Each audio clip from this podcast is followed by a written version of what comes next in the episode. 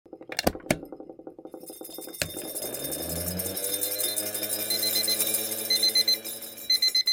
alle sammen, og velkommen til eh, Labprat. Mitt navn er Chang Yikong, og med meg har jeg Ida Gregersen. Og Jakob Juel Christensen.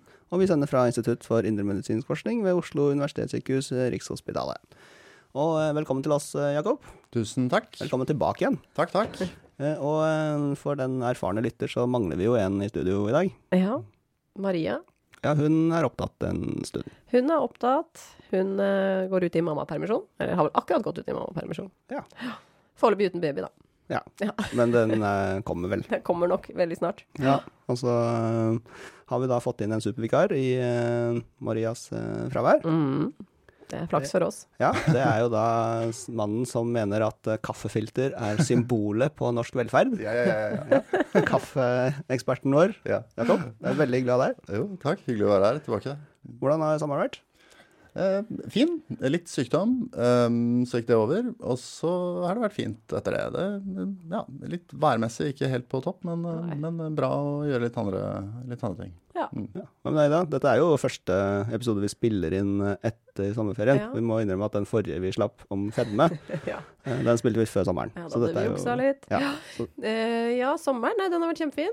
Vi gifta jo oss, eller vi har jo gifta oss da, i, Mm. i, i våres, men vi hadde den store bryllupsfesten det, nå Mm. i sommer, så det var stas. Uh, og litt uh, ikke godt å være ferdig med, men på en måte litt, litt godt å ikke ha det hengende over seg. Så vi starta liksom med den, og så hadde vi lang fyr etterpå. Så det var helt uh, topp. Mhm. Så ja, sånn som Jakob sa, ikke det beste været, men eh, vi har hatt det veldig fint, altså. ja. Og rett tilbake på jobb, og rett tilbake til søknadsskriving. Ja. Ja, ja, ja. Det er eh, rett på, ja. Så, Mm. Men det er, jeg syns det er gøy, så Ja, du er jo glad i det. Ja, Det men sagt eh, litt travelt er det jo nå, for det er eh, 4. september, så nå kjenner jeg litt på presset. Men eh, Mm. det skal gå. Ja da. Ja, men Jakob, skal Søker du uh? Eh, ja, jeg driver og drodler på noen søknader, så det blir vel ikke i år, men over neste år, tenker jeg. Ja. Nå er jo den eh, NFR er jo flytende dato, så Mm. ja, så det blir vel først over på nyåret. Mm. Ja, det har skjedd en endring der. For det, er en av de store søknadene vi pleier, søkerinstitusjonene vi pleier å håper å si, spørre om penger fra. Forskningsrådet de har jo endra, så nå har de sånn som du sa, Jakob, flytende Ja. deadline, eller frist, eller hva man skal kalle det. Så man kan sende inn egentlig når man vil. Ja. Mens det er Helse Sør-Øst som har frist nå i september. Ja, så det er den vi, du og jeg i hvert fall skriver og, Ja. skriver på. Men du da, Sjøren? Sommeren? Nei, det har vært uh, trivelig, det. Ja. Regna mye, som dere har nevnt. Ja. og ellers så har det vært uh, Altså, det har gått veldig fort. Ja. Samtidig veldig sakte. ja. Men det er sånn det skal være. Man er jo uh, klar for nye utfordringer, og det var godt å komme tilbake til jobb. ja. Jeg føler liksom det er litt av poenget med ferie. Ja, Man man, skal liksom man skal kjede seg litt. Ja, eller man skal begynne å liksom bli klar for det, den rutinehverdagen. Og ja, det er litt digg. Er. Mm. Men for uh, de av lytterne våre som ikke husker episoden om kaffe, Jakob, kanskje du må introdusere deg selv en gang til? Ja, det kan jeg. Altså, ja, jeg er da klinisk ernæringsfysiolog og eh, jobber som forsker på Universitetet i Oslo, avdeling for ernæringsvitenskap. Og der jobber jeg med litt forskjellige typer prosjekter. Um, mye kolesterolprosjekter. Prosjekter med eh, personer med arvelig høyt kolesterol eller familiær hyperkolesterolemi.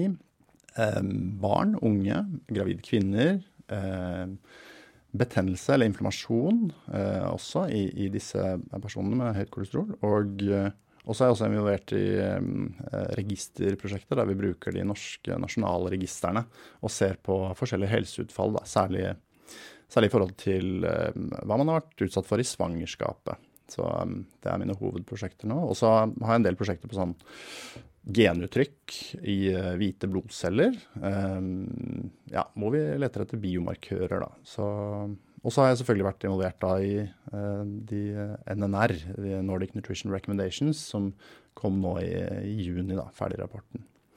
Så um, litt forskjellige prosjekter eh, der. Ja, og oversatt til norsk så er NNR Det er, altså, det er jo de nordiske næringsstoff- eller eh, ernæringsanbefalingene. ja, kostholdsrådene, som vi har hørt så mye om eh, gjennom dommeren. Ja, og det, du kan si det er, det er på en måte eh, NNR er, er ikke kostholdsråd i seg selv, det er råd til myndigheter. Og så skal myndighetene lage kostholdsrådene til befolkningen, da, så det er på en måte litt intrikat der, men det kommer vi tilbake til. Ja, absolutt. ja, for Ida, vi skal jo eh, inn i en liten eh, serie nå innen uh, labprat. Yes, det skal vi. Vi har tenkt til da, i sammen med Jakob, heldigvis, Mm. å lage en eh, ernæringsserie nå i høst. Mm. Da skal vi jo eh, dypdykke i disse kostholdsanbefalingene Mm. som ble lansert nå i juni. Mm. Eh, og vi tenker at eh, det er sopp, et såpass stort tema. Det blir eh, flere episoder. Eh, og vi kommer til å prøve å slippe de litt mer eh, jevnlig enn vi har gjort eh, til nå, da. Så hver 14. dag, kanskje. Mm. Men eh, følg med på sosiale medier, så skal vi oppdatere eh, når vi slipper neste episode. Mm, det skal vi passe på. Eh, og det har jo egentlig hele våres og i sommer vært mye debatt og diskusjon i media rundt disse ernæringsanbefalingene, da. Og det kan jo være vanskelig å sortere for folk flest. Det er mange ernæringseksperter der ute. Eh, så nå er vi jo så heldige å ha en mann fra innsiden da, av prosessen på utarbeidelsen av disse anbefalingene. Så nå skal vi prøve å rydde litt i den debatten gjennom denne serien, da. Ja. Så temaet blir jo da selvfølgelig NNR 2023. Yes. Og eh, vi starter denne serien med en generell introduksjon av eh, disse nye nordiske ernæringsrådene. Vi skal snakke litt om eh, egentlig dette dokumentet som eh, ligger tilgjengelig på nett. Vi skal Mm. legge en link til eh, dette dokumentet i episodebeskrivelsen. Mm. Den er på nesten 400 sider. Og ble publisert den 20. juni i år. Ja. Og du introduserte Jakob, at du var med i utarbeidelsen av, av dette dokumentet. Mm. Hva var egentlig din eh, rolle? Nei, altså Jeg var jo med i, som del av det som heter NNR 2023-komiteen, da. Så vår rolle var jo å på en måte organisere hele arbeidet. Vi, vi laget prinsipper og, og, og metode, la metode til grunn eh, for hvordan det skulle skje, og vi hadde ansvar for å uh, sørge for at alt ble gjennomført, og til slutt på en måte sette de endelige rådene, da, kan du si. Og så har vi hatt en del sånn formelle ting, som å vurdere eh, interessekonflikter og eh, av den type ting. Så, eh, og så var det kommunikasjon med da styrings, eh, styringsgruppa og, vårt vitenskapelige råd, kan du si, og det vi da laget som var et sånn systematisk review-senter. Og selvfølgelig all kommunikasjon og, og, og arbeid med alle, alle vitenskapelige bidrag fra forskjellige forskere rundt om i Norden og, og ellers, som har skrevet om forskjellige næringsstoffer eller matvaregrupper og sammenheng med helseutfall. Da. Og store, eh, denne store bolken om klima og miljø. Mm. Så vi har på en måte dratt i alle disse trådene og, og ja, eh, organisert hele arbeidet. Ja. Hvem var det som etablerte denne komiteen? Altså, hvem, hvem har bestilt eh, den oppgaven? Eh, Det er jo Nordisk ministerråd som har bestilt, eh, bestilt dette. Altså det startet tilbake i 2016, kan du si. Eller det var først da at det ble bestemt at vi trengte en oppdatering av, av de nordiske, altså Nordic Nutrition Recommendation. Forrige versjon kom i 2012, Ja. så allerede i 2016 bestemte jeg at nå er det på tide å begynne med arbeidet med neste oppdatering. ja fire år. Ja. Så, så man allerede etter fire år at det var mangler i den forrige? Nei, men man visste at det tok såpass lang tid. Og Ja. det var kommet veldig mye ny litteratur som det var viktig å oppsummere på en god måte. Ja. Så da begynte man det man kalte pre-prosjektet, som varte i et par år. Og, og, og så startet på en måte arbeidet, det ordentlige arbeidet med NNR begynte da i ja, begynnelsen av 2019. Mhm. Og det var også da jeg kom inn i, inn i arbeidet, så jeg var ikke med på den første biten med preprosjektet. Um, det man også da bestemte, var at uh, de tre baltiske landene skulle inviteres med, og de har vært observatører uh, i løpet av arbeidet. da. Så um, det har også vært veldig fint, fordi de baltiske landene også bruker NNR eh, veldig aktivt i sitt eh, arbeid med ernæring. Mm. Så det å ha dem med har også vært veldig nyttig for oss. Um, Og et, et siste punkt som kan nevnes der, det er jo at de um, i Nordisk ministerråd de ønsket at eh, på vegne av myndighetene i de forskjellige landene ønsket at bærekraft i form av klima og miljø det skulle integreres, eh, fullstendig integreres i, som del av, av um, NNR da, for første gang. Mm. Ja. Så ganske omfattende bestilling, kan du si. Ja, Mm. absolutt. Tidligere har jo denne rapporten fokusert på næringsstoffer. Eh, vitamin A, kalsium, jern osv. Sørge for at befolkningene har tilstrekkelig av disse næringsstoffene som de trenger. Men nå har det også vært eh, eh, for første gang eh, en fullstendig integrering av matvarebaserte råd, eller food-based dietary guidelines. Mm. Som også er et svært område, da. Som Ja. Ikke sant, sånn melkeprodukter, kjøtt. melkeprodukter, kjøtt, Ja. egg, ikke sant. Mm. OK, så hvis du bare kan si kort, hva er NNR? Så NNR, det er um, det ho hovedkunnskapsgrunnlaget for sammenhengen mellom hva vi spiser, og hva som er bra for helsa, og nå også da eh, klima og miljø. um, som da går ut til Det er råd da til uh, myndigheter, eh, mat- og helsemyndigheter i de forskjellige nordiske og nå også baltiske landene. Matindustri og annen industri som er relatert til det her.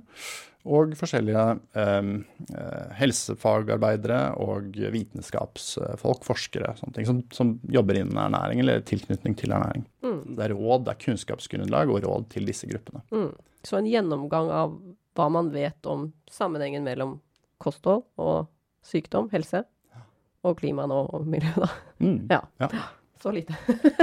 Ganske svært. Er ganske svært. Ja. Mm. Men hvor ofte blir sånne råd oppdatert? For forrige var 2012, Ja. og den før der igjen? Eh, 2004 var det vel, så det er ca. hvert tiende år, da. Ja. Første versjon kom i 1980, så Mm. dette er da den sjette utgaven. ja. Mm. Og de oppdateres, eh, men så ser man forskjell, altså ser man eh, mangler så raskt at man trenger å oppdatere de så ofte? Eller er det metodikken som utvikler seg såpass at vi må oppdatere fordi vi har nytt eh, kunnskapsgrunnlag, rett og slett? Vi har nytt kunnskapsgrunnlag. Det er mye mer litteratur. eh, og det er veldig vanskelig å holde oversikt over alt sammen.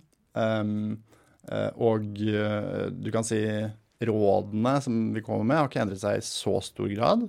Men presisjonen på rådene våre og hvor sikre vi er på dem, Mm. de er, den har økt, da, kan du si. Mm. Så vi er mer sikre nå enn vi var i 1980 f.eks.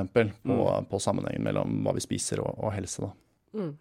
Men det er ikke veldig stor forskjell. Man har ganske god peiling allerede da. Mm. Ja, for noe av kritikken som har kommet, eh, er jo at eh, man legger jo det samme, eh, mye av den samme forskningen til grunn, mm. da man utarbeider rådene i 2012 og, og nå. Mens så er det da endringer i selve rådene som har kommet ut.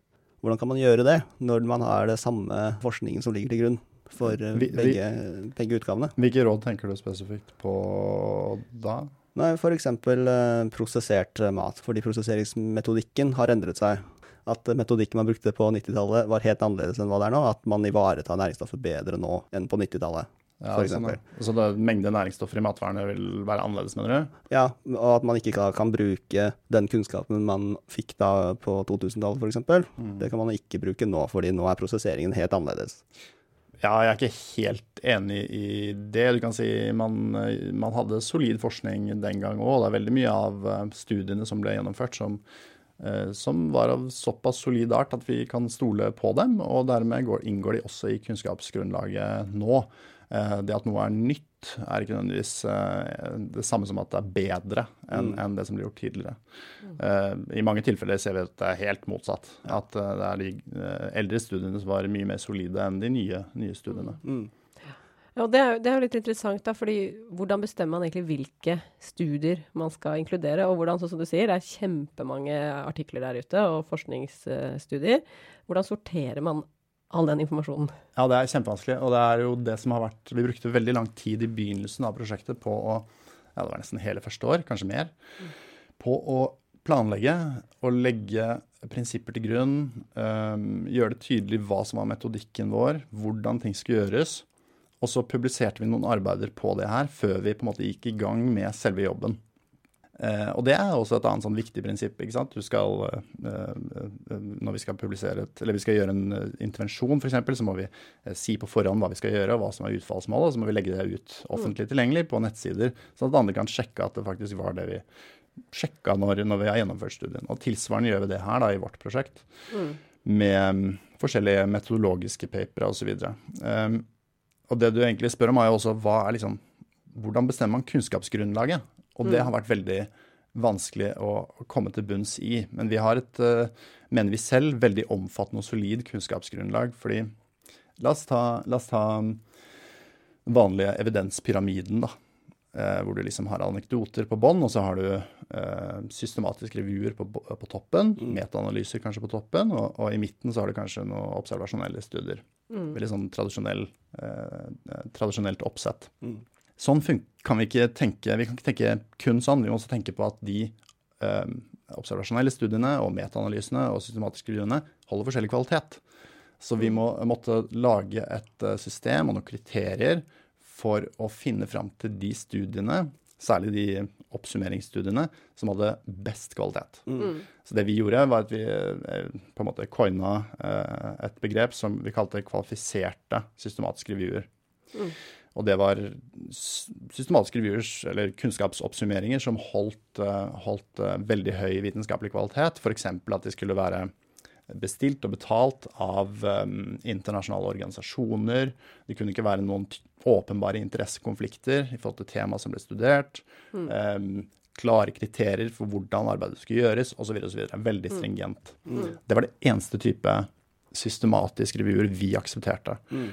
Det finnes veldig mange andre systematiske reviewer som sikkert var veldig gode, men de kunne da ikke danne eh, grunnlaget for de endelige rådene våre. Mm. Så det var liksom ett kriterium, da. Mm. Så når vi da hadde disse bakgrunnspaperne våre, vi hadde sånne kvalifiserte systematiske reviewer som vi enten fant i litteraturen, eller som vi eh, jo, gjorde noen selv, da, eller systematisk review-senteret vårt gjorde for oss, um, så hadde vi et, eh, et, et, eh, et solid grunnlag. I mm. tillegg så hadde vi um, kontakt med et flere hundre eh, forskere fra Norden og Baltikum og områdene rundt som skrev eh, sånne eh, litt mindre stringente reviewer på næringsstoffer, matvaregrupper, og også på, på, klima og miljø. Så ehm, vi, dan, vi, hadde en del bakgrunnslitteratur da, som vi da som fora inn i eh, rapporten, kan du si.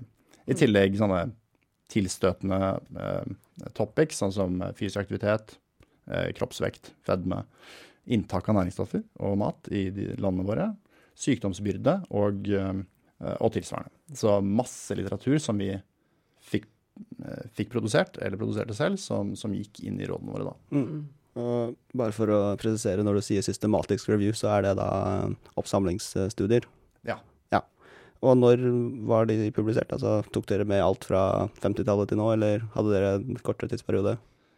Eh, nei, i utgangspunktet ikke noen eh, limitation på når det skulle vært eh, publisert. Eh, altså f.eks. hvis eh, eh, Det kommer litt an på forskningsspørsmål, selvfølgelig. Eh, men si disse bakgrunnskapitlene for matvaregrupper og, og, næringsstoffer. Der var det jo ikke vi som gjorde grovarbeidet, det var jo forskere som, som bidro inn i arbeidet. Og de gjorde egne søk der de fant relevant litteratur. Mm. Og så måtte de kvalitetssikre de studiene de inkluderte. Ja. Uh, og de fleste der de har nok inkludert litteratur fra f.eks. starten av altså når PubMed og disse andre søkemotorene uh, våre um, ble opprettet. da. Mm. Så fra, fra, fra, starten av. Ja. Vi kommer til å snakke mye mer om forskningen som ligger bak disse rådene utover denne serien. Men uh, kanskje vi skal aller først si noe om hva er det disse rådene inneholder? Hva er det som egentlig står i dette 400 sider lange dokumentet? det er, eh, det er den, eh, NNR 2023 inneholder en del ting eh, som typisk har vært der. Næringsstoffanbefalinger, vitamin A osv. De er også oppdatert. Så det er liksom en viktig del. Og i tillegg så har vi et slags rammeverk for hvordan de forskjellige landene og myndighetene i forskjellige nordiske og baltiske landene kan lage egne kostråd til sine befolkninger. Da basert på helse og klima og miljø. Så vi har laget et rammeverk for det.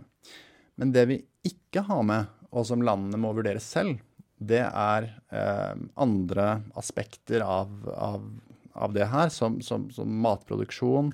Eh, Self-sufficiency, som heter eh, Selvforsynethet?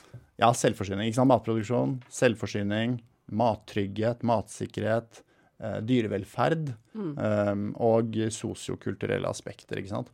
Mm. Ting som landene må vurdere eh, hver for seg. Mm. mm. Altså, da kommer vi jo litt inn på dette her med at dette ikke er de norske kostrådene ennå, i hvert fall. Riktig. Men det er et grunnlag.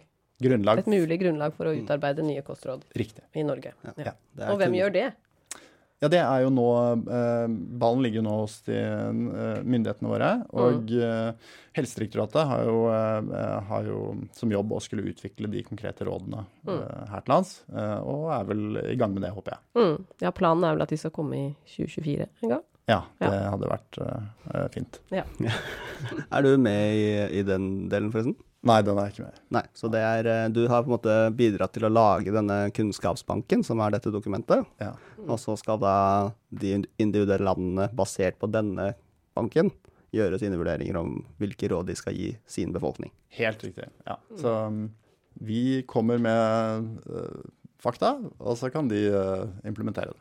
Ja, for dette kommer inn på hvem er egentlig målgruppen for dette dokumentet. Da. For det er jo veldig mange som har eh, slått opp at nå kan du ikke spise det, nå, kan du, nå er dette grensa for hvor mye du kan eh, drikke av ditten og datten. ikke sant? Så hvem er det som egentlig er målgruppen? Er det meningen at hvermannsen skal gå inn og lese dette dokumentet og så finne ut av hva man skal gjøre med kostholdet sitt? Nei, det, det er det jo egentlig ikke. Um, du kan si um, Målgruppe kan jo defineres på litt forskjellige måter, men det vi, det vi skriver i rapporten er at um, La oss si det sånn at i forrige versjon så kalte vi det 'healthy population', eller, gen, eller 'apparently healthy population', altså friske, Ja, Tilsynelatende friske mennesker. tilsynelatende friske mennesker. Mm. Men det vi har som målgruppe nå, det er the general population, altså den allmenne populasjonen. Ja. Så det Um, inkluderer folk med noen underliggende sykdommer. Yes, helt riktig. Så um, flere kroniske sykdommer, uh, overvekt, fedme, um, eller med risiko for uh, disse ja. sykdommene, det, de er også inkludert. Men så er det unntak, ikke sant. En del det ikke gjelder for, eh, og det er da spesifisert da for de forskjellige kapitlene eh, der de ikke er inkludert. Så um, Det kan være f.eks. enkelte grupper som har allergi eller intoleranse, og da stater vi det hvor det, der det gjelder. Mm. Og det gjør man jo også når man utarbeider nye kostråd i Norge, da. Ja. Så har man jo ofte Eller har man hatt kostråd for spesielle grupper, sånn gravide, ammende Ja, ikke sant. For man kan gå langt mer i detalj enn det vi har gjort. Mm. Selv om vi er nokså detaljerte, så kan du absolutt uh, dykke ned i spesifikke undergrupper og Mm. barn og spedbarn og gravide og ja, mm, eldre. Ja, ikke sant. Men én ting er jo også hvem, hvem rådene er ment for, men du spurte jo også sjanger meningen at alle skal lese dette. Ja, for jeg, jeg må innrømme at det, dere to er jo, har jo bakgrunn fra ernæringsvitenskap og har kanskje et bedre grunnlag for å forstå det dokumentet. Ja. Eh, Jeg trodde jo selv at jeg hadde relativt god ballast til å kunne, kunne lese og ha nytte av, av den PDF-en. Jeg må innrømme at det var veldig, veldig tungt. Ja, jeg tenker at noe av tenker jeg da, at Noe av poenget er jo at man skal slippe å lese alt dette. da. At det, er jo, det er jo det her ekspertene gjør, har gjort her. Ja, akkurat, så Det er jo en, en veldig viktig jobb, da, det, det vi gjør nå. Og det forskere må gjøre, er å måte, oversette dette til noe forståelig. Mm. Og samtidig så har journalister eh, veldig stort ansvar, da. Og ikke publisere noe som eh, ikke nødvendigvis er helt sant. Ja, ja, helt enig. Selv om det genererer klikk. Jeg skjønner at det er, Ja, ja, ja, Det er viktig, det òg. Ja, nei, helt enig. Jeg syns ikke Dette er ikke råd til deg og meg. Eh, Det er som sagt et vitenskapelig kunnskapsgrunnlag til nasjonale mat- og helsemyndigheter, eh, matindustri, helsepersonell og forskere. Mm. Så folk kan selvfølgelig ta til seg rådene Ja, ja, og følge dem hvis de vil det. Det er ikke noe i veien for det, men, men eh, jeg vil eh, heller eh, Hva skal jeg si De oppdaterte offentlige kostrådene kommer så snart Helsedirektoratet har ferdigstilt det.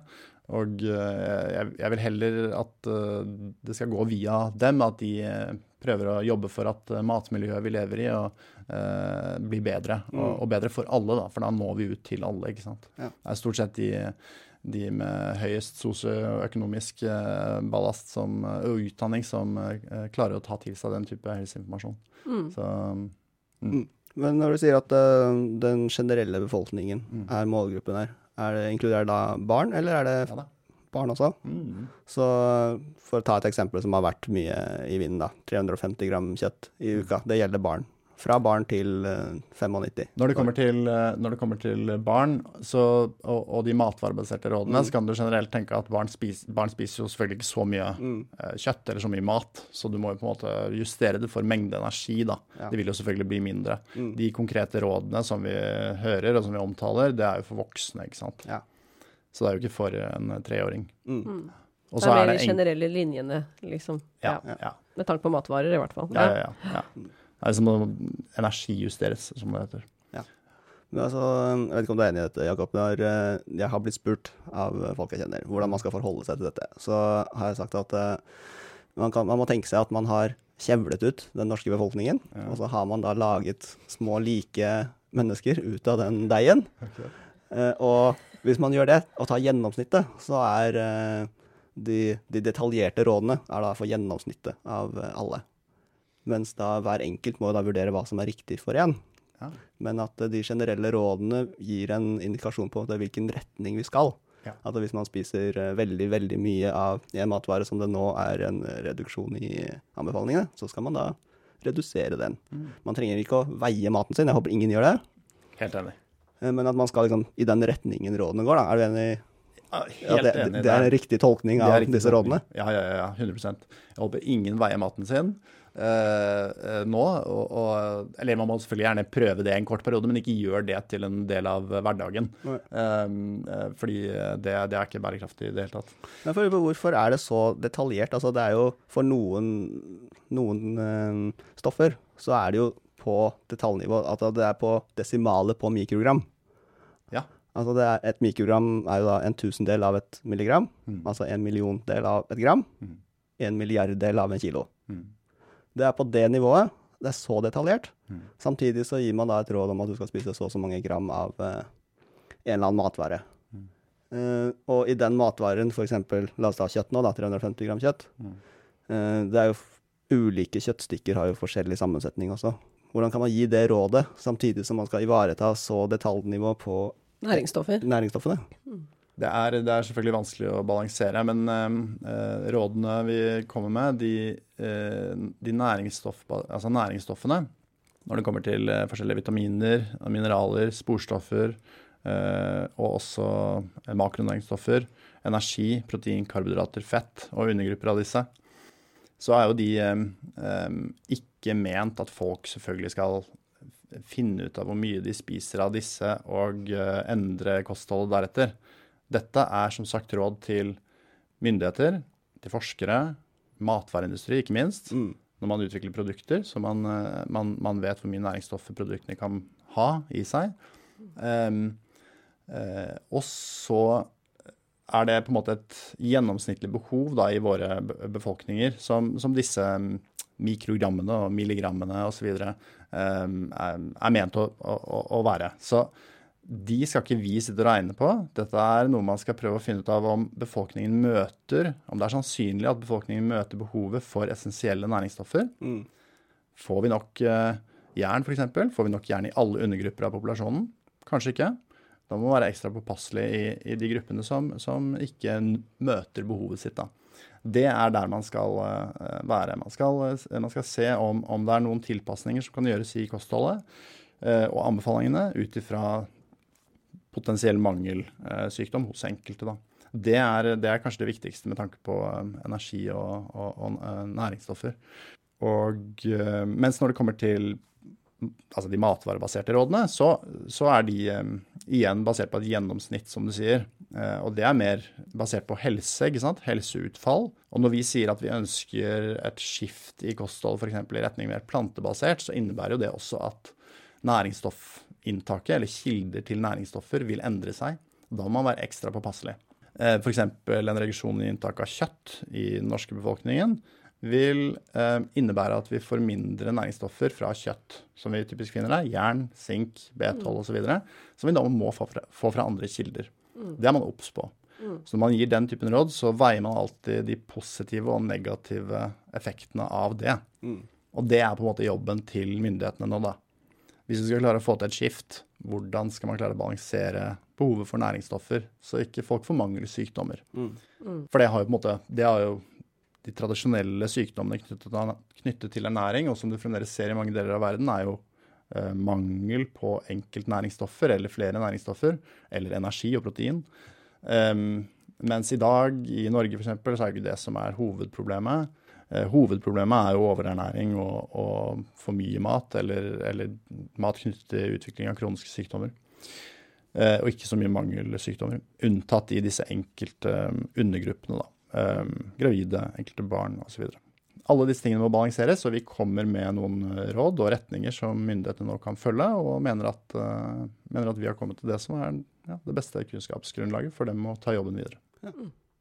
Men mat er jo en veldig stor uh, ting. Altså det er jo et stort tema. Mm. Hvor mange, altså hvor mange matvarer, hvor mange typer mat er det som er inkludert i denne rapporten? Altså vi har, eh, um, 17 um, vi, har, vi, har, 17 kapitler, som vi kaller det, eller 17 artikler, 17 deler, som, som handler om matvaregrupper, um, inkludert måltidsrytme og uh, kostholdsmønster. Mm. Og så har vi 36 næringsstoffer, uh, hvis jeg ikke tar helt feil, um, som vi også har omtalt uh, grundig. da. Mm. Kan du bare gi et eksempel på en matvaregruppe og et næringsstoff, sånn at vi, vi, vet det?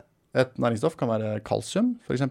Det er et næringsstoff som er avgjørende for, for helse. Og en matvaregruppe kan jo være melk- og meieriprodukter, ja. som også inneholder mye kalsium. Mm. Så det er disse matvaregruppene og, og, næringsstoffene disse rådene handler om, da. Så um, hva er egentlig rådene? Eller vi skal jo snakke mer om det i detalj utover i denne serien, men kanskje en sånn generell introduksjon. Hva er egentlig rådene vi skal uh, dykke inn i? Helt sånn overordna så kan du si at vi anbefaler et uh, hovedsakelig plantebasert kosthold som er rikt på grønnsaker, frukt og bær, belgfrukter, eh, poteter og fullkorn, og rikelig med fisk og nøtter, og et moderat inntak av magre meieriprodukter, og et begrenset inntak av rødt kjøtt, hvitt kjøtt, bearbeidet kjøtt, alkohol og bearbeidede matvarer, eller prosesserte matvarer, med høyt innhold av tilsatt, eh, tilsatt sukker, fett og salt. Ja. Mm. Så enkelt som det. ja. Og det er ikke så veldig annerledes enn tidligere. Nei. Det er jo velkjent. Uh, ja. Mm ja, generelt ganske kjent. da. Mm. mm. Det... Og det ligner veldig også på kostråd fra mm. andre land. da, Hvis du mm. ser på kostråd fra rundt om i verden, så ligner det veldig ja. på, på, det her. Ja. Mm. Så de, de, store linjene er på en måte de samme som før. Ja. Eh, og så vet vi jo nå har jo klima og miljø blitt en del av uh, utarbeidelsen av disse rådene. Så hvordan, uh, hvordan passer dette inn i de nye rådene? Jo, og du kan si sånn generelt så er jo noe som er basert uh, hovedsakelig Noen av rådene er basert hovedsakelig på helse. Mm. Noen er basert på både helse og klima og miljø. Og noen råd er også basert kun på klima og miljø. Ja. Så det er også greit å rydde litt. Um, så hvis vi går inn på um, de konkrete rådene som vi anbefaler å spise mer av, da, mm. uh, så kan vi si at vi anbefaler at, konkret at uh, inntak av fullkornsprodukter skal være mer enn 90 gram per dag av fullkorn. Um, og det er basert på både helseeffekt og klima og miljø. Mm. Så har vi frukt, grøn, frukt, og grønnsaker og bær, eh, også basert på helse og miljø. Der har vi nå anbefalt 500-800 gram per dag. Mm. Um, når det kommer til belgvekster, eh, så sier vi bare at det skal være en betydelig andel av kostholdet. Det skal være en betydelig del av kostholdet, Også basert på både helse og klima og miljø. Mm. Samme med nøtter. Der sier vi 20-30 gram per dag. Også basert på både helse og klimamiljø. og. Til slutt også fisk. Eh, anbefaler vi 300-450 gram per uke av fisk. Eh, men da spesifiserer vi at det skal være fra eh, bærekraftig eh, produksjon eller bærekraftige bestander. Mm -hmm. ja. Um, så da, hvordan definerer man det? Det er litt uklart, men eh, vi, vi mener at det er også et viktig poeng å få fram. da. Mm. Alle disse er basert på både en helseeffekt og klima og miljø. Mens eh, det siste vi anbefaler mer eh, at man skal spise mer av, det er poteter. Eh, der sier vi rett og slett bare at poteter bør være en betydelig del av kostholdet, men det er kun basert på klima og miljø. Mm. Der, når det kommer til poteter, så har vi ikke data på helseeffekter som viser at poteter har verken en gunstig eller ugunstig effekt i seg selv. Mm. Så poteter per se virker ganske nøytralt, kan du si. Ja. Mm. Så, så, rådet vårt om, om, å spise mer er basert på klima, da. Klima og miljø. Mm. Men da ville man jo på en måte ikke eh, Sånn som du sier, da. Da tenker man jo at poteten er ganske nøytral og absolutt ikke vil være noe sånn helseskadelig å introdusere mer av. Så da er det på en måte mm. trygt å gjøre det, men du kan ikke si at det er fordi det gir bedre helse. Riktig. Ikke sant? Ja. ja. Men så er det, da alltid også en annen sånn metodologisk nyanse som er litt artig i ernæringsvitenskapen, er jo at det kommer alltid an på hva du sammenligner med. Mm -hmm. Så hvis yes. du ser for deg middagstallerkenen din som er enten fylt med kjøtt og bitte litt potet, eller en hvor du har litt mindre kjøtt og mer potet, så er den utbyttingen den vil være svært gunstig. Mm. Så mer eh, kokt eller bakt potet for, altså, istedenfor kjøtt, det vil være en gunstig effekt. da, mm. helse, mm. helsemessig. Mm. Apropos helse, hvordan er mental helse ivaretatt? I, I kostrådene, mener du? Ja. Eh, det er et av helseutfallene som man ser på. Men det er ikke veldig mye data på det. Eh, men i noen undergrupper av rådene så er det, er det også noe mental eh, helse. Absolutt. Ja, for det er jo i den eh, alkoholdebatten så er det jo mange som har trukket frem at jeg, jeg blir deprimert hvis jeg blir sittende inne Ja, og kutter ja. ut alkohol helt. Fordi det er en sånn sosial greie når man går ut og, og tar en øl med venner og kjente. Ja, ja. Så hvordan forholder man seg til det? Nei, altså igjen, det vi leverer her, det er vitenskapelig råd om sammenhengen mellom faktisk eksponering for f.eks. alkohol og helseutfall. Mm. Og den forskningen er ganske tydelig og klar. Ja. Eh, Det er jo gunstig på de fleste eh, vis. Men eh, vi erkjenner jo også at sosialt så har det et Alkoholen er vel limet i samfunnet, er det ikke det? da? Nei da. Sosialt uh, gjør det litt eh, enklere med interaksjoner. sånn at uh, det, det, man må selv gjøre de vurderingene man uh, vil i forhold til inntak av alkohol, men basert på helseeffekt og effekt på klima og miljø, så er det ganske tydelig at alkoholinntaket bør reduseres. Mm. Mm. Jeg tenker at det er veldig viktig å si noe om hvordan dette fremstilles. At, Ja, ja, ja. at som, som et kunnskapsgrunnlag så kan ikke NNR anbefale inntak av alkohol, fordi Mm. det har ingen positive effekter. Mm. Og hvis det har effekter, så har det negative effekter. Så man Mm. kan ikke anbefale noen å innta alkohol. Mm. Men for hver enkelt så må man vurdere om eh, et glass eller to ute på byen for sin egen mentale helse er gunstig eller ikke. Mm. Det tenker jeg er viktig å presisere. Ja, ja. Det blir litt som om man skulle anbefalt eh, folk å røyke, fordi det henger sammen med litt lavere sjanse for å få ulcerøs kolitt. Jeg vet ikke Ja. helt om det er eh, ja. Men så tenker jeg et viktig poeng med, med alkohol da, og, og, er jo at tidligere så har man jo liksom i hvert fall sagt, da eller veldig mange har sagt at ja, det er et glass det er godt for hjertehelse. Ja, ja. Liksom, det har vært en sånn derre og f- Ja, det har vært en saying, liksom. At alle liksom Ja, ja, liksom lene seg litt på det. Så jeg tenker at det er liksom viktig å få frem dette at nei, hvis man ser på totalforskningen, så er det faktisk ingenting som kan si at det er en beskyttende effekt med alkohol. ja. Så akkurat det har liksom vært litt viktig å få fram. Men ja, det, folk sånn- blir jo krenka. Absolutt. Folk, men eh, det, igjen, det er en sånn artig metodologisk eh, greie der du ser at det er noe feilklassifisering også på Mm. Eh, hvor mye alkohol folk drikker, særlig i liksom nedre range av inntak, Mm. eh, eh, som gjør at det ofte ser ut som at det er bra med litt, eh, litt inntak. Mm. Eh, men når man gjør eh, litt mer robuste analyser, litt Mm. bedre metodologisk, så ser man at ja, men det er faktisk en nokså lineær sammenheng med dårlig helseutfall. Mm. Mm. Så- Ja, og det går jo litt på det, det som du også nevnte med liksom kostholdsforskning, da. Og Ja. liksom vanskelig å i noen tilfeller sile ut enkelte effekter av matvaregrupper. Ja. Eh, og at uh, kanskje den generelle livsstilen til den personen som drikker bitte litt alkohol, er annerledes enn den som Ja. ja, drikker eh, tre-fire glass i uka istedenfor to. Da. Ja. Og da, det, da, ja, da må man belyse det fra veldig mange forskjellige vinkler, Mm. som man gjør i forskning ellers. ikke sant? Man bruker forskjellige metoder for å se på samme forskningsspørsmål, og så prøver man å se eh, hvordan det ser ut. At man ikke bruker den samme studien og de samme metodene til å, til å Mm. belyse det, men at man bruker forskjellig type studiedesign, Mm. forskjellige metoder, og ser ok, hva, hva er totaliteten av evidensen. Da, kan du si. Mm. Så man tror, vet man noe om det, og liksom hvilke faktorer man tror har kludra til den sammenhengen mellom alkohol og hjertehelse, som man trodde var liksom beskyttende. Jeg er ikke helt oppdatert på det, men jeg tenker at eh, sosioøkonomisk status er en viktig faktor. Mm. Altså De som drikker litt en gang iblant, de har nok eh, litt annen sosioøkonomisk status, og det Mm. kan ofte være litt eh, notorisk vanskelig å ta høyde for da, i disse analysene. Mm. Det, eh, men, men allikevel så får man det til i, i noen tilfeller.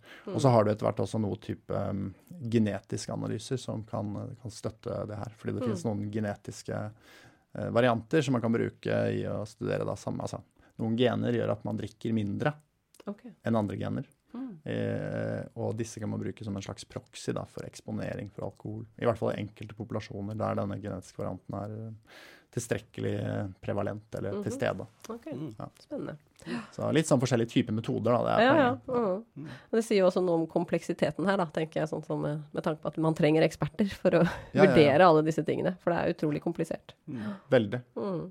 Men altså bare tilbake til fordi uh, disse konkrete rådene. Nå, nå nevnte jeg jo bare eh, hva vi eh, anbefaler høyere inntak av. Mm. Men uh, når vi, eh, bare for å f f ta ferdig den sekvensen, så har vi også noe vi har anbefaler moderat inntak av, og det er jo da eh, melk- og meieriprodukter. Um, og der anbefaler vi konkret 350-500 ml per dag eh, av eh, magre meieriprodukter, og det er basert på helseeffekt. eh, særlig behov for næringsstoffer. Det er veldig vanskelig å dekke behovet for næringsstoffer hvis man dropper meieriprodukter helt fra eh, kostholdet. Særlig i en situasjon der man kanskje reduserer kjøttinntaket litt osv. Så Mm. um, sånn at, eh, og det er um, basert på Altså det er helseeffekten. Mens hvis vi ser på klima og miljø-argumentet, Mm. så kan man eh, Det alene, så vil det um, hva skal jeg si, argumentere for enda lavere inntak. da. Mm. Så meierianbefalingen om meieriprodukter er basert på både helse og eh, klima og miljø. Mm. Når det kommer til det vi anbefaler redusert inntak av, så var vi jo innom alkohol her. Um, og det er basert på både helse og klima. Og der skriver rett og slett at der finnes ikke noe nedre trygg grense. Mm. Så både når man ser på helseeffekt og klima og miljø, så anbefaler vi lavt eh, inntak. Mm. Så lavt som mulig. Um, for søtsaker så sier vi eh, begrenset inntak, også basert på helse og klima og miljø. Uh, rødt kjøtt sier vi under 350 gram per uke, basert på helseeffekt. Mens når vi ser på klima og miljø, så kunne vi uh, anbefalt mye lavere. Mm. Ned mot, ned mot null, egentlig. Mm. Så da holder man det oppe for å sikre ja, inntak av jern og B12 og protein, eller hva? Ja, du kan si det er en avveining selvfølgelig Ja, mot mm. behov for næringsstoffer, og hva populasjonen spiser Ja. allerede nå. Eh, Mm. tradisjon, alt det her. Um, ikke så mye tradisjon, kanskje. Mest, mest at vi spiser veldig mye kjøtt, og veldig mye Mm. rødt kjøtt allerede nå. Uh, så det å redusere det ned hit vil være en betydelig helseeffekt og en betydelig klima- og miljøeffekt. Mm. Mm. Så man har også på en måte i bakhodet at det skal være gjennomførbart? Ikke i rådene våre. Nei, OK. Vi Nei. tenker ikke på gjennomførbarhet. Nei. Det må myndighetene ta seg av. Mm. Ja. Mm. Dette er bare basert på kunnskapen vi Ja. har, så er dette en, eh, en fornuftig anbefaling. Mm. Men- Mens eh, når det gjelder prosessert kjøtt, da, eh, som i det tilfellet her, er definert som typ eh, salta, røyka eh, kjøtt, ikke sant? Forskjellige påleggsvarianter, f.eks. Vil, eh, er også, henger også sammen med dårligere helse og eh, en betydelig belastning for klima og miljø. sånn at der anbefaler vi så lavt som mulig. Mm. Okay. Der har vi ikke noen nedre grense. Eller, eller der setter vi ikke noen konkret grense, vi sier så lavt som mulig. Så summen av rødt og prosessert kjøtt bør totalt være under 350 gram per uke. Mm. Ja, og kjøtt er jo en av de tingene som har blitt eh, kraftig debattert, så det, Ja. det har vi jo tenkt å ta en egen episode om, da. Mm. Ja, Gå i dybden på eh, hvorfor vi, Ja. vi anbefaler det vi gjør. Det, det blir fint. Mm. Mm. Så de siste tingene vi anbefaler, er jo da alle de er basert på helse og, og klima og miljø. Og den siste er da prosesserte matvarer med høyt innhold av fett, salt og uh, sukker. Der sier vi også begrenset uh, inntak, også basert på helse og klima og miljø. Mm. Det siste uh, matvaregruppen er hvitt kjøtt, eller fjørfe.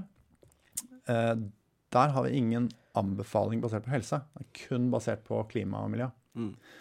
Eh, akkurat som potet, så er hvitt kjøtt eh, ganske, virker ganske nøytralt. Mm. Eh, vi kan i hvert fall ikke si eh, med hånden på hjertet at det henger sammen med eh, noen, noen utvikling av noen sykdommer. Um, men vi, vi, vi sier allikevel, basert på klima- og miljøeffekten, så bør det også reduseres fra dagens nivå. Ja.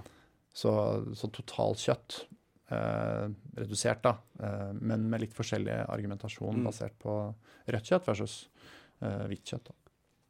Nettopp. Og vi ønsker heller ikke at eh, reduksjonen i rødt kjøtt skal føre til en kraftig økning i hvitt kjøtt. Det er et eh, hovedpoeng. Mm. Som du nevnte, Ida, vi skal jo um, tilbake til kjøtt i en senere episode. Mm. Men uh, Jakob, du har jo også snakket litt om uh, metodene bak, altså hvordan man kommer fram til disse rådene. Uh, skal vi grave litt mer i det? Hva, det? hva slags metoder er det som ligger i grunn? Altså det vi, det vi har Vi har brukt veldig mye tid på å harmonisere metode, eller prøvd å nærme oss metodologien som brukes andre steder. Em, tradisjonelt er det Institute of Medicine i USA, IOM, og også um, eh, National Academy of Sciences and Engineering, NASEM, eh, som har, um, har drevet dette her. Em, EFSA også, eh, European Food Safety Authority i Europa, har også gjort det de siste årene på metodologi for hvordan man eh, kan sette anbefalinger om næringsstoffer, altså matvaregrupper. Og eh, vi har sett på deres metode og prøvd å utvikle den enda videre, og, og eh, gjøre den så lik deres som mulig. Mm. Sånn at det er på en måte harmonisert, og at vi kan bruke deres arbeid, og, og de kan bruke vårt arbeid i, i, i kostråd og, og, anbefalinger videre. Det er jo veldig eh, Det har med ressursutnyttelse å gjøre, ikke sant? fordi det er veldig omfattende å skulle gjøre disse oppdateringene. Mm. Sånn at vi, vi, mener det er viktig at når vi først gjør jobben, så skal det være såpass solid at andre grupper som ikke nødvendigvis har midler til å gjøre det, kan mm. bruke dataene vi har, eller kunnskapsgrunnlaget vi har kommet fram til. Mm. Fordi som sagt, det er, ikke, eh, det er ikke så veldig stor forskjell der. Det er nyanser mellom forskjellige deler av uh, hva skal jeg si, uh, populasjoner rundt om i verden. Mm. Generelt så er helseeffekten av næringsstoffer og matvaregrupper ganske lik. Um, sånn at de ligger liksom som prinsipper til grunn. da. Så vi, vi, har også brukt mye tid på å ha en transparent metode og vise hva vi har gjort. Og vi har hatt hva skal jeg si, f.eks. ett poeng vi gjør veldig eh, mye ut av, at vi har en tydelig dokumentasjon av originalkilder. Mm. Det har vært tidligere veldig skjult eller uklart hvor en anbefaling har kommet fra. Vi snakka om kalsium her tidligere. Mm. Eksakt hvorfor anbefalingen om kalsium er som den er, har ikke vært eh, alltid like lett å vite. Men vi har da prøvd å digge ned i disse rapportene og gått tilbake til originalkilder og funnet uh, funnet de, mm. og prøvd å uh, løfte de opp og fram i lyset og si mm. derfor har vi anbefalingen. Mm. Og det mener vi er en veldig god uh, oppdatering. da. Mm. Ja, så det er gjort for alle næringsstoffer? Yes, det er gjort for alle næringsstoffer. Ja. Og det er ganske omfattende ja, det er og vanskelig. Mange... Og i tillegg så har vi tatt disse originalkildene og anbefalingene for La oss si den ble satt for voksne, den voksne populasjonen. da. Mm. Um, basert på en eller annen studie eller noen studier. Så har man satt en anbefaling om kalsium, men så har man kanskje ikke tilsvarende data for yngre aldersgrupper mm. eller eldre. Da gjør man sånn øvelse der man ekstrapolerer til andre eh, mm. aldersgrupper. Justerer opp og ned, liksom. Justerer ja. opp og ned, basert mm. på vekt og vekst og osv. Mm. Forskjellige metoder man kan bruke der. Og der har vi eh, gjort en komplett eh, bere ny beregning av alle mm. næringsstoffer for alle grupper. Mm. Det tror jeg aldri har vært gjort før. Mm. Jeg kjenner i hvert fall ikke til, til, det. Så denne ekstrapoleringen er også veldig nyttig for folk da å kunne gå inn i og, og se på. da. I tillegg så har vi lagt, funnet nye vekt- og høydekurver for våre populasjoner. Um, vi har laget nye aldersgrupper som også er mer harmonisert med de de bruker i Europa og osv. Um, også i tillegg til at vi uh, kommer med de kjente anbefalingene om næringsstoffer, uh, gjennomsnittlig behov og anbefalt inntak, f.eks., eller average requirement og recommended intake, som det heter, så kommer vi også med noen nye anbefalinger. Um, um, som heter adequate intake og, og, og så videre, som, som, ikke har vært med tidligere. Så enda mer omfattende um, data, da, eller grunnlag. I tillegg så kan du si at hele metoden er avhengig av organisasjonen vår. ikke sant? At den fungerer, at det er et uh, smidig maskineri. Så vi har et, laget et veldig sånn, grundig oppsett med, med, vurdering av interessekonflikter. Vi har hatt uh, peer review, at uh, at uh, ting som uh, skrives for oss, forskning og uh, litteratur som oppsummeres, skal sendes på høringer. Mm. svært omfattende, inkludert den ferdige rapporten, da, mm. som også har vært på, på høring. Mm. Og som det ble litt støy, støy rundt. Men, men, kjempeviktig ikke sant? for at det skal mm. være transparent og åpen prosess. Hvor vi prøver å gjøre ting så tilgjengelig som mulig for folk, og at folk kan se at Uh, hva som har blitt gjort, og prøve å reprodusere eventuelt. Mm. Eller i hvert fall stole på metoden og ha tillit til metoden, sånn at de kan bruke det i uh, sine anbefalinger. Mm. Mm. Det er et kjempestort uh, og viktig arbeid, da. Ja, ja, virkelig. Mm. Og særlig dette med um, disse um, det vi kaller kvalifiserte kunnskapsoppsummeringer, eller kvalifiserte systematiske reviewer. Der har vi altså, voldsom, voldsomt med arbeid rundt det der, og funnet utrolig mange i litteraturen. Og, og eh, laget ni eh, nye sånne systematiske reviewer selv. Eller systematiske review-senteret vårt har gjort det. da. Um, med tydelig struktur, rasjonale og prosedyrer osv. Dette er også med harmonisering og ressursutnyttelse å gjøre. For da kan de brukes videre i andre oppdateringer. Mm. Det er vel kanskje de viktigste punktene på metode, vil jeg si. Ja. Men i, i, valget av eh, hvilke næringsstoffer og, og, sånt, eh, hvorfor landet man på disse? For det, det, må jo være mange flere enn de som eh, beskrives? Næringsstoffer, ja. Det er jo veldig mange næringsstoffer man potensielt kunne omtalt. Og vi har jo tatt inn noen eh, nye næringsstoffer nå som ikke har vært med før. F.eks. kolin er jo et sånt næringsstoff som ikke har vært med tidligere. Um, men som vi har tatt med mm. nå. Så vi har jo landet på det vi mener er um, riktig å ha med. da. Um, og de er jo med fordi de er essensielle næringsstoffer. De fleste av de i hvert fall er ansett å være essensielle næringsstoffer. Mm. Altså ikke, ting som kroppen ikke kan lage selv. Men som trenger for å fungere, for at ja. metabolismen og stoffskiftet skal fungere. Mm. Du kan si Fluor f.eks. er ikke essensielt næringsstoff, Nei. men vi har det fortsatt med fordi det er viktig i forhold til eh, tannhelse f.eks. Mm. Mm. Nettopp. Men sånn den grundige gjennomgangen av disse næringsstoffanbefalingene, da, som du sier at dere har ekstrapolert på nytt og litt sånn har det, liksom, har det noen ting som har endra seg, liksom, som peker seg ut, liksom? Som ja, det er, det er, en del som har endra seg. Ja. Ehm, det er mindre og, si, større og mindre endringer. Um, det er liksom noen, noen, som var overraskende, på en måte? Ja, du kan si det er ikke, det er ikke overraskende i lys av måten vi har gjort det på. Fordi mm. vi har f.eks. så har vi nye uh, aldersgrupper. Ja. Og når aldersgruppene endrer seg litt, så vil det per definisjon bli litt forskjell i anbefal, mm. anbefaling for den gruppa. da. Mm. Um, Uh, nye referansevekter, nye referansehøyder. Mm. Uh, ja, og at uh, vi, vi, bruker såkalte indikatorer, altså en slags, en slags variabel som bestemmer hva vi skal sette anbefalingen basert på. Mm. Um, og hvis de endrer seg, så er det naturlig at også anbefalingen kan endre seg litt. Mm. Men på tross av alle disse omfattende nye metodologiske forandringene fra sist, så er det mm. ganske små endringer. Selv om alt er liksom beregnet helt fra scratch. Mm. Ja. Så det betyr at vi stoler jo, stoler jo mer på det. Vi, det hadde vært rart hvis noe er liksom økte 200 ja, ja, eller 300 ja, ja, Så det er jo kjempebra at ikke det var noen store overraskelser, tenker jeg. Ja, ja. det vil sikkert bli noe diskusjon rundt, rundt dette i enkelte mm. forskningsmiljøer, og det håper vi jo på, kan du si. fordi mm. poenget her er at det skal være åpen og transparent metode. Vi vil at folk skal skjønne hva det er som har blitt gjort. Ja og så kunne diskutere om det er en god måte å gjøre det på. Mm. Ikke sant? Mm. Men når det kommer til myndighetene, som skal ta akkurat disse næringsstoffene eh, videre, så forventer vi bare at de aksepterer at dette er det beste kunnskapsgrunnlaget vi har nå. Mm. Eh, vi implementerer det direkte. Mm. Så fortsetter selvfølgelig forskningen å vurdere om det, er, om det er riktig, eller om ting må justeres videre. Mm. Mm. Men uh, hvor lenge etter kan man forvente å se effekten på befolkningen?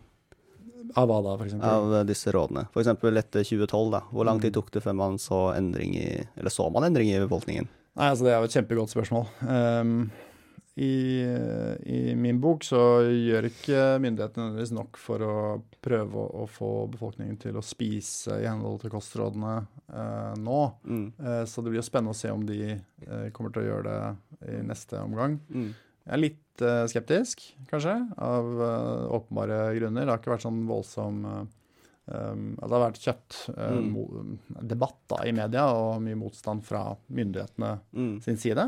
De som jo bestilte rapporten og ønsket å inkludere klima og miljø. Ja. så det er jo litt spesielt, kan man vel si. Men ja. Um, ja, for hvis ingen følger rådene, så får man heller ikke noe fasit på om de faktisk har fungert du kan si fasiten på om de fungerer, det har vi også fra forskningen. Fordi mm. hvis du faktisk uh, setter folk på kostrådene ja, Hvis man tvinger noen til å spise Ja, ikke tvinger, etter. men, men uh, Frivillig. Frivillig. Inviterer til. Ja, ja, men det er, sånn, for, det er, jo sånn, vi har det i forskning. Du må jo ha samtykke, selvfølgelig. Men hvis ja. du tar uh, og gjennomfører studier, ber om samtykke, får samtykke, og setter forsøkspersoner på kostråd, mm. nei, kosthold i, i, tråd med kostrådene, mm så ser vi at de får bedre helse. Ja. Og det kan vi måle på mange forskjellige måter. Mm. Um, så, så, vi vet at det fungerer, uh, men spørsmålet er bare hvordan du får det til å fungere på det brede laget av befolkningen. Mm. Uh, og det er der jeg tenker at um, ja, som jeg sa litt tidligere, at det er jo på en måte velkjent at helseinformasjon det tas opp forskjellig på tvers av forskjellige strata av samfunnet. ikke sant? Særlig sosioøkonomiske forhold som utdanning. Mm. Og det er gjerne de mest ressurssterke som tar til seg denne typen informasjon i størst grad. Mm. Og derfor er det også avgjørende med strukturelle tiltak for å nå ut til eh, hele samfunnet. Ikke sant? Mm. Skoler, helseinstitusjoner, offentlige tjenester. Um, ja, så Rådene skal danne kunnskapsgrunnlaget for hvordan de strukturelle tiltakene skal gjennomføres. Mm. Um, Eh, og i tillegg så er selvfølgelig offentlige råd et viktig verktøy for behandlere i møte med pasienter i eh, primær- og sekundærforebygging av sykdom. Mm. Så det er liksom de eh, forskjellige arenaene der man må tenke på. Da. Mm. Som du nevnte i begynnelsen, Jakob, noe av det nye som har blitt uh, integrert i disse rådene, er jo klima og miljø. Vil du utdype det litt? Det kan jeg gjøre. Altså, um, du kan si anbefalingene, anbefalingene vi har satt om matvarer og matvaregrupper, de, de er jo blitt vurdert ganske sånn i henhold til uh, en plan. da. Uh, vi, har sett, for, vi, har sett, på helseeffektene av hva vi spiser, helseeffekten av maten. Det har vært en sånn primær en hoved, hovedfokus for oss. Og bidraget av næringsstoffer har vært kjempeviktig. Det er en del av helse, kan du si også. Eh, og også utfordringer knytta til folkehelse. Så det er liksom de primære tingene. Men i tillegg så har vi også sett på utfordringer knytta til klima og miljø. Men den er sekundær. Så klima og miljø har ikke hatt noen hovedrolle i å sette de endelige rådene. Um, så integreringen av klima og miljømessig bærekraft det har vi gjort ved Det er veldig omfattende, men kort fortalt kan du si at det bygger på en rekke rapporter, sånn som den eh, rapportene fra IPCC, eller Klimapanelet. Også en, eh, et annet panel som vi kaller Naturpanelet. Og diverse erklæringer fra Nordisk ministerråd eh, også, da. Um, som jo på en måte ga oss mandatet for det her. Uh, noe som heter Sapea-rapporten osv. Og, så og dette har vært på en måte mye av bakgrunnen for integreringen. I tillegg så har vi eh, utviklet eller skrevet, eh, og skriver fortsatt på no, fem bakgrunnsartikler om klima- og miljømessig bærekraft.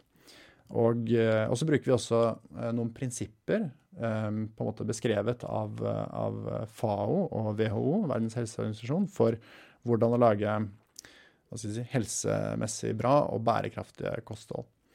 Så klima- og miljøaspektet kan vi jo prate mye om, men det er liksom hovedbolken er at vi har eh, mye viktig litteratur som vi har prøvd å, å oppsummere, og, og, som danner grunnlaget for hvordan vi vurderer konsum, eller hva vi spiser av mat, og hvilken påvirkning det har på, på klima. Mm. Betyr det at uh, først og fremst så har dere sett på hvilke matvarer og hvilken effekt det har på helse? Det har liksom vært primæroppgaven. Ja.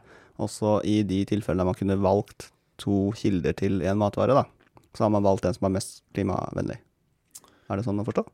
Uh, ja, vi har ikke sett på matvarer, hver, hver og en matvare, kan du si, men, men, vi har prøvd å se på en måte hva, hvilken retning drar en matvaregruppe. Mm. Er det noen nyanser som må fram? F.eks. For, for fisk. Ja. Uh, så er det noen nyanser som må fram med tanke på um, med tanke på bærekraftige um, bestander og, mm. og, produksjon sant, av, av, fisk. Så det, du kan si sammenlignet med produksjon av uh, rødt kjøtt, mm. så er fisk uh, bedre. Men det er noen nyanser som må fram. Ja. Så da prøver vi å få fram, uh, få fram de, da. Mm. Det er rett og slett presisering av, av de nyansene, da. Ja. Det er veldig sjelden helt sånn svart-hvitt. Det er mm. noen sånne grå nyanser som vi må klare å Så det tror vi at vi har klart å få fram, da. Mm. Og aller, aller sist så kan du jo da si at vi har gitt råd når vi har det vi kaller sterk evidens. Så hvis det er sterk evidens for eh, en eller annen eh, sammenheng, primært helse da, selvfølgelig, så gir, vi, så gir, vi, råd om det. Og hvis vi i tillegg har en eh, doserespons, altså vi kan se tydelig hvordan altså på, ved hvilket inntaksnivå en helseeffekt kicker inn, da kan vi gi et, kvan, altså et eh, kvan, eh, kval, kvantitativt råd og de kvantitative rådene er kanskje de mest verdifulle. ikke sant? At vi setter en grense at der uh, vil vi at populasjonen skal opp til, eller mm. ned til, eller ja. Um, ja, kvantitativ betyr egentlig sånn hvor mye? Altså mengde? Mengde, eksakt ja. mengde. ja. Mm. Altså basert på best evidence. Mm. Altså det er hva skal jeg si, et, uh, et, et best, best, guess basert på best evidence. Ja. Mm. Og igjen det er gjennomsnitt, da. Så det er ingen som skal hjem og, og ja, veie mat eller måle nei, nei, nei, som dere, som dere poengterte i starten, altså det er en eller annen retning man vil. Ja. Mm. Og så har du i tillegg det med at uh, en viktig kilde til næringsstoffer. Da. Enkelte grupper er veldig viktige kilder til næringsstoffer. Så det er råd, de kvantitative rådene også basert på, på, på kilde til essensielle næringsstoffer. Mm. Så det, det, er, det, er, sånn vi har laget rådene. Ja. Kort og godt. så er det masse mer man kunne prata om, uh, nyanser, men uh, ja. Men vi skal jo i uh, de neste episodene snakke mer om spesifikke tema. Mm. Eh, og den siste episoden vi skal ha, er jo en sånn spørsmål-svar-episode. Mm. Så kanskje vi skal oppfordre våre lyttere til å komme med spørsmål. Mm. Ja. Så har vi en ekspert i studio som kan svare. Ja, ja, ja. Det hadde vært veldig, veldig bra. Ja, Så i episodebeskrivelsen vår så er det jo da link til eh, vår e-post, og også sosiale medier. Mm. Så det er bare å fyre løs med spørsmål, og så tar vi det eh, i den siste episoden i denne serien. Så da, tusen takk for at du kom eh, til oss, Jakob. Så Bare snakkes vi igjen til eh, neste episode. Yes. Og før vi går i dag, må vi kanskje minne våre lyttere om at de må følge oss. Yes, gjør veldig gjerne det. På Facebook og Instagram, og så da ligger jo da e-postadressen vår der, som du også sa. Så om det er noen kommentarer eller spørsmål, fyr løs. Så da stikker vi på labben, og så høres vi neste gang. Yes, ha det bra. Ha det bra.